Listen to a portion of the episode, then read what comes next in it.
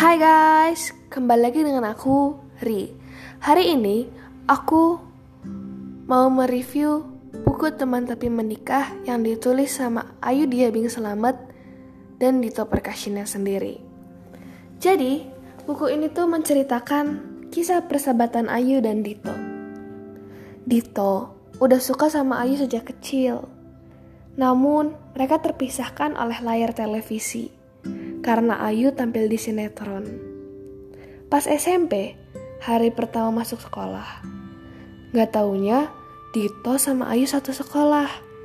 Sekelas dan semeja pula. Pas kenalan, Ayu bilang namanya Ayu. Tapi, kalau orang-orang terdekat biasa manggilnya Uca. Karena Dito gak mau jadi orang yang asing, jadi Dito memanggil Ayu dengan panggilan Uca. Semakin hari mereka semakin akrab. Uca juga sudah menganggap Dito sebagai sahabatnya. Mereka selalu mengerjakan tugas bersama, makan di wartam bareng, main-main bareng, sampai selalu curhat satu sama lain. Dito udah menyukai Uca sejak pertemuan pertama mereka di sekolah. Namun, Dito tak ingin persahabatannya hancur karena perasaan cintanya. Setiap Uca curhat tentang cowok yang disukainya atau pacarnya, Dito selalu mendukungnya. Mendukung untuk putus maksudnya. Dito nggak tahu itu perasaan apa. Tapi setiap kali Uca menceritakan tentang pacarnya, Dito selalu sebel. Sampai saat SMP akhir, mereka mengisi formulir bersamaan. Mereka pun menulis dengan SMA yang dituju bersama-sama. Mereka tak ingin berpisah. Beruntungnya, mereka akhirnya diterima di SMA 82 Jakarta. Tapi sayangnya, jurusan mereka berbeda. Dito masuk IPA dan Uca masuk IPS. Karena Dito nggak mau jauh dari Uca, ia pun mengajukan lintas jurusan ke IPS. Ibunya sempat kesal. Apalagi saat itu IPA dilihat jurusan yang paling bergengsi dan pintar. Walau lama, akhirnya kepala sekolah menyetujui pindahnya Dito ke IPS. Dito juga menjadi salah satu anggota band di sekolahnya yang paling junior. Kata orang-orang, yang bisa masuk band cuma senior. Tapi Dito membuktikan sebaliknya junior juga bisa masuk band.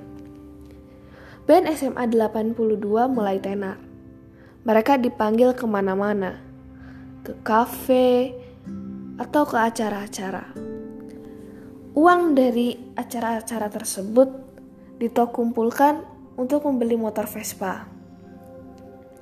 Saat uangnya sudah terkumpul, Ayulah orang pertama yang Dito bonceng dengan motor Vespanya. Setiap hari bahkan mereka keliling-keliling Wartam dengan motor Vespa Dito. Saat ia kelas SMA 2, Dito terpilih menjadi ketua OSIS. Fans Dito pun semakin banyak. Bahkan Mila, adik kelasnya, sampai menembak Dito sebagai pacarnya. Karena Uca juga udah punya pacar, Dito pun mengiyakan tembakan tersebut dengan tujuan membuat Uca tercemburu. Namun, sekian lama Dito pacaran, Ayu tak kunjung cemburu. Dito juga sebenarnya tidak ada perasaan suka atau sayang ke Mila sebesar rasanya kepada Uca. Alhasil, saat Mila memutuskannya pun, Dito biasa aja. Hari berganti bulan, Dito dan Ayu pun lulus SMA. Mereka masuk ke kampus yang berbeda.